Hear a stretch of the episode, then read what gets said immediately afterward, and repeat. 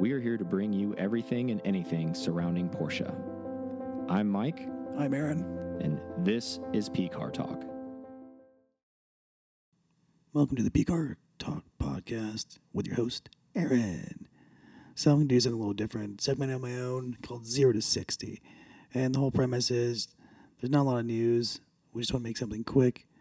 And we'll get right into it right after we do the Sriracha Club Boy members. All right, we got Chris S., Steve J., Matt W., Kaylin R., Scott H., Sandra A., Ken S., Cody W., Javid V., Richard B., Aaron L., Matt G., Matt M., Sean H., and Nikki F. Thanks, guys, for supporting, as always. Now let's get in to some news. So that's pretty much what this whole thing is going to be: is news, when just random articles that we find interesting in the Porsche world. Uh, but it's just not a lot to talk about for an hour. So let's kick things off.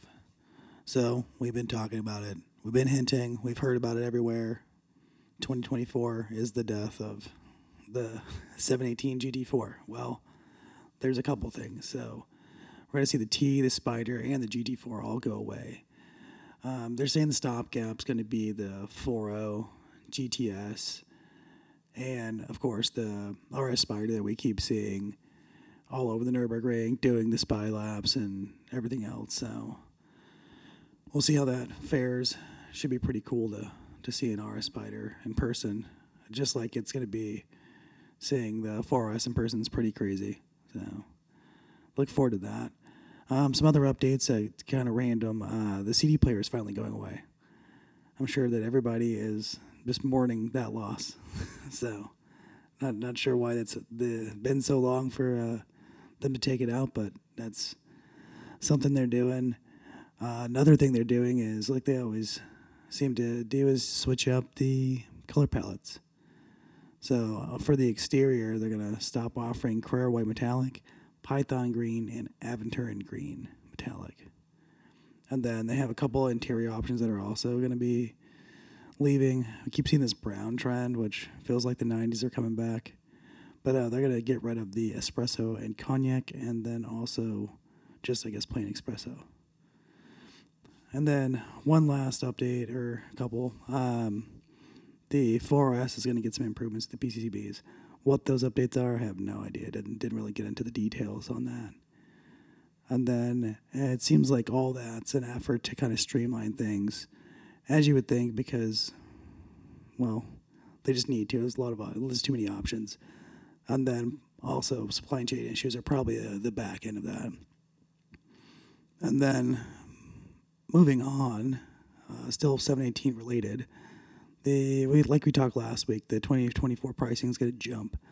Well, what that looks like for the 718s is for almost most of the trim levels, it looks like it's going to be a five thousand dollar uh, bump, and then a whopping 13 grand for the 4Ss.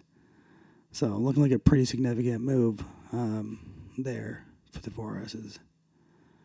And then a couple other things that we just saw the 2024 reveal the Cayenne Dash looks awfully like a Taycan, which I'm sure that's what they're going for. Um, I don't know that many people really needed the the analog rev counter. I mean, maybe if you're in a turbo GT and you're setting lap times, but but I can't see that uh, that being super uh, useful. And then, I mean, like you said, it looks like it's gonna align with the Taycan, and it's got the five dials, like the 992. So it's pretty cool. And then so many screens, so many. Um, and then a couple other things they're adding is a cooled smartphone bin. I guess that's a neat thing. And then wireless charging, some new voice commands, and USB C ports. I guess that's been a request, and now it's there. And then to wrap up, uh, their earnings call happened. So they set records again, like records after records. Um, paraphrasing Oliver Blume, they, he was saying that they, even in difficult times, they still set historical records uh, for the company. They're one of the most highly valued luxury brands based on uh, the way they're they're structured. But so that that gives you an idea. they did do um, a little over 300,000 vehicles they delivered last year, which is, uh, I think it's a little bit over 2021. Not crazy, but it's still like a, a pretty good gain on their side.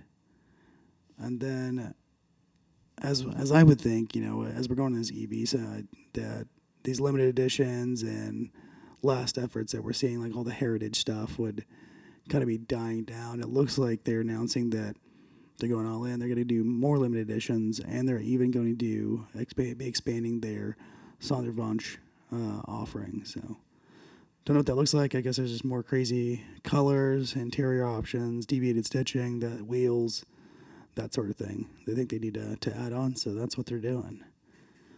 And then, uh, continuing on with with expanding, they have the all electric Cayenne which will have an all new chassis. Well, I mean that's kind of a, kind of a, a thought that's going to happen anyways because it's an EV platform, so they got to do something new with it.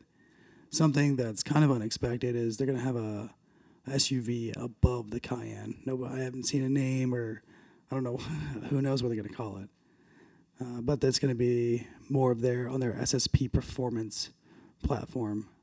It's going to more range, bigger car. I think it's going to be aligned with uh, like the Bentley Bentaygas, stuff like that. I think that's where they're going to try to compete even more against that since they really don't have anything in that line right now. And then outside of that, um, since the Cayenne EV has been mentioned, uh, and the Macan EV kind of seems to be getting in the shadows and moved around. The Macan is going to be out 2024. Like they pretty pretty hardline said that now, so we should be seeing that. And then what they said for the 718s, they didn't even call out Boxster Cayman just 718s um, for 2025. So hopefully that that stays in zone and we'll see him in 2025.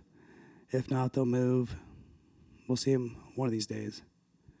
All right, that's all I got. I mean, short, sweet. That's just how I want the uh, want this to be something easy to listen to. Uh, so if you liked it, let us know.